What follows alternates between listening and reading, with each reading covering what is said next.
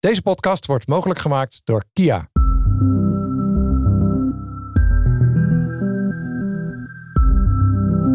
Het laatste klimaatrapport van het IPCC, het klimaatpanel van de VN, laat geen ruimte voor twijfel. Het is 5 voor 12 en we moeten meer en sneller verduurzamen. Iedereen is nodig, ook en vooral in het bedrijfsleven. Een belangrijke factor is de overstap naar elektrisch rijden. Hoe pak je dat aan als wagenparkbeheerder? Waar moet je op letten en welke aanpassingen zijn nodig om je personeel elektrisch te laten rijden? Dat bespreken we met Kia in deze nieuwe serie podcasts over de toekomst van zakelijk rijden.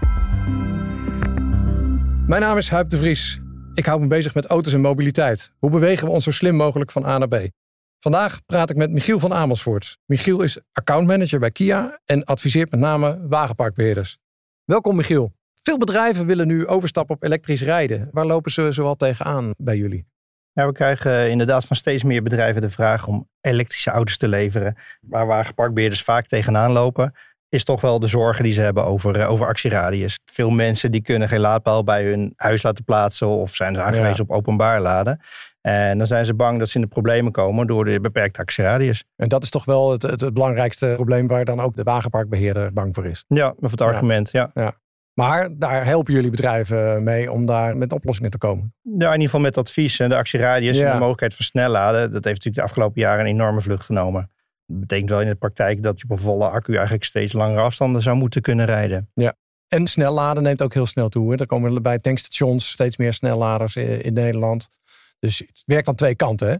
Ja, je moet inderdaad ook, ook snel kunnen bijladen. En dat geldt ook voor onze elektrische Kia-modellen. Uh, als je bestuurder eh, dat vertelt, dan neemt dat ook vaak een groot deel van zijn angst weg. Ja, precies. En even voor de beeldvorming hè, van mij en ook van de luisteraars. Wat is nu zo'n beetje de gemiddelde actieradius van elektrische auto's, van elektrische Kia's? Moet ja, ja dat, het gemiddelde bereik dat is natuurlijk sterk afhankelijk van het, eh, van het rijgedrag van de berijder. Ja. en de weersomstandigheden. Ja, temperatuur. Ja, ja, zeker. Maar ik denk dat je tegenwoordig wel zou kunnen zeggen dat je met een elektrische auto toch wel 300 kilometer zou moeten kunnen halen. Ja, en dat stijgt ook nog sterk. Hè? Wordt steeds jullie EV6 die kan niet alleen heel snel laden, maar die heeft ook een hele hoge actieradius in de top. Absoluut, ja. ja.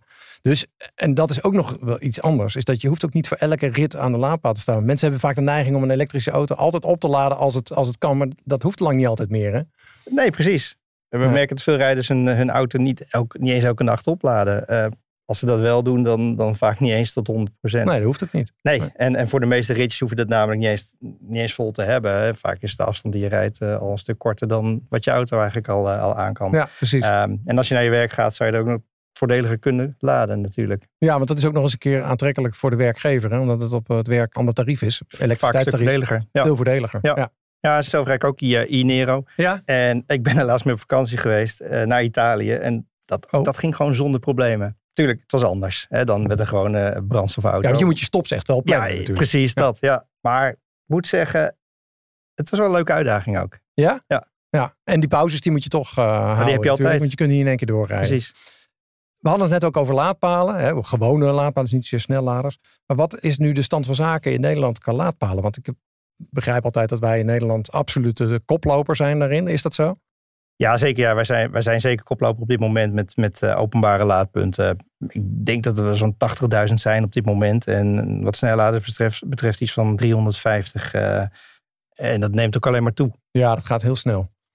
En het is op zich wel interessant om te vergelijken met bijvoorbeeld uh, brandstoftankstations. Dat zijn er al jaren rond de 4000. En dat, dat zullen er ook niet snel meer worden. Dus, dus de verhouding laadpalen ten opzichte van tankstations wordt eigenlijk wordt steeds, steeds beter. ja. En dan hebben we het alleen maar over openbare laadpalen en over snellaadstations. En niet over laadpalen bij bedrijven, bij mensen thuis op de oprit. Uh, daar hebben we het dan nog niet eens nee, over. Nee, precies, niet eens. Nee.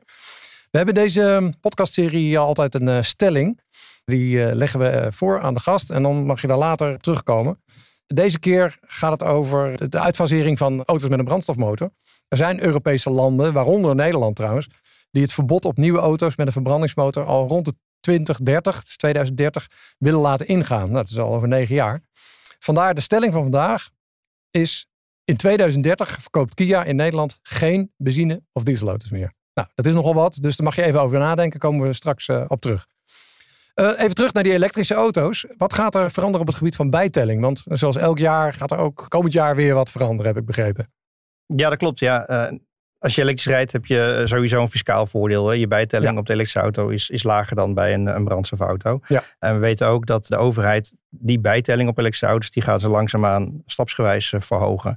Dit jaar is het 12% tot Mhm. een max van 40.000 euro. En daarboven betaal je het reguliere 22 Ja. bijtellingbedrag. Maar uiteindelijk zal dat in 2026 volledig 22% zijn, net als een reguliere brandstofauto. Ja, dus dan is het net, ja, dan is het dus niet voordeliger meer. Maar voorlopig nog wel om de invasering van elektrische auto's te stimuleren. Ja, ja. Eh, op dit moment is het gewoon nog voordeliger. Voor een breider absoluut. Qua bijtelling eh, zeker. Maar goed, als je puur naar het fiscale voordeel kijkt, dan eh, is dat interessant om elektrische auto te kiezen. Ja, maar voor een wagenparkbeheerder is het ook goedkoper nu al. Of ja, nu de, nog. ja, wagenparkbeheerders vindt, vindt bijtelling minder interessant. Die maakt zich meer druk over de totale kosten natuurlijk. Ja. En het voordeel van een elektrische auto is dat er geen wegenbelasting over hoeft te worden betaald. Dus Ja. dat voordeel neemt hij weer mee in zijn totale kosten. Werkgever zelf zal ook kijken naar de, de, de veranderende houding van een bedrijf eh, ten opzichte van het milieu. Dus dat is ook Ja. iets, iets waar een, juist een wagenparkbeheerder namens het bedrijf eh, zich, eh, zich meer bezig mee houdt. Ja, het moet ook passen in de, de verduurzamingsdoelstellingen van bedrijven natuurlijk. Ja, dat heeft dat. reputatie ook eh, te maken. En ik neem aan dat er ook nog wel een voordeel zit in brandstofkosten. Hè? Dus elektriciteit ten opzichte van benzine of diesel. Zeker met de huidige olieprijzen natuurlijk. Absoluut, ja. Ja. Nou, als het dan toch niet lukt om over te stappen op een vol elektrische auto. Hè, maar je wilt wel als wagenparkbeheerder, of als werkgever je wagenpark verduurzamen. Wat zijn dan de, de alternatieven daarvoor? Ja, ik rij zelf elektrisch, eh, zoals Ja. ik net al aangaf. Dus ik zou eigenlijk niet weten wat voor argumenten er zijn om niet elektrisch te kunnen rijden. Nee, maar goed, mochten die er toch zijn, dan heb je altijd nog de hybride of de plug-in hybride versies. En daarmee zou je al een stap richting elektrisch kunnen maken. Ja. En bij een hybride eh, auto, daar is geen stekker aanwezig, maar wordt wel stroom opgewekt door middel van remenergie. Ja. Die kan je weer gebruiken op het moment dat je nou ja, optrekt bij bijvoorbeeld een stoplicht. Ja, dus je hebt gewoon een lager brandstofverbruik, dus een lagere CO2-uitstoot. Dus eh Precies. duurzamer in Ja. principe. Ja. Maar je hebt Ja. ook plug-in hybride modellen. Klopt, ja. En bij een plug-in is het juist zo dat daar ook een accu is. Ja. Maar wel met een stekker. Ja, en een grotere accu Een grotere ook, accu. Ja. En daarmee laat je eigenlijk stroom die je wat, op wat langere actieradius eh, kan gebruiken. En dan kun je ook vaak eh, gewoon een hele afstand elektrisch mee afleggen. hè. Dus woon-werkverkeer kunnen mensen vaak dan bijna helemaal, of misschien zelfs wel helemaal elektrisch afleggen. Hè? Ja. een plug-in hybride, toch? Klopt. Ja. Dus dan, eh, dan gebruik je die brandstofmotor eigenlijk nog maar voor de langere rit en voor de, voor de vakanties. Precies. Ja. Komen we even terug op de stelling die we eerder tijdens dit gesprek al eventjes aanstipten. De stelling luidt, in 2030 verkoopt Kia in Nederland helemaal geen benzine- of dieselauto's meer. Ben je het daar mee eens met die stelling, of niet? ja, mee eens. Kijk, Kia is, is er klaar voor om in 2030 eh, volledig emissievrij te leveren. Ja. Er komen elk jaar nieuwe elektrische modellen bij.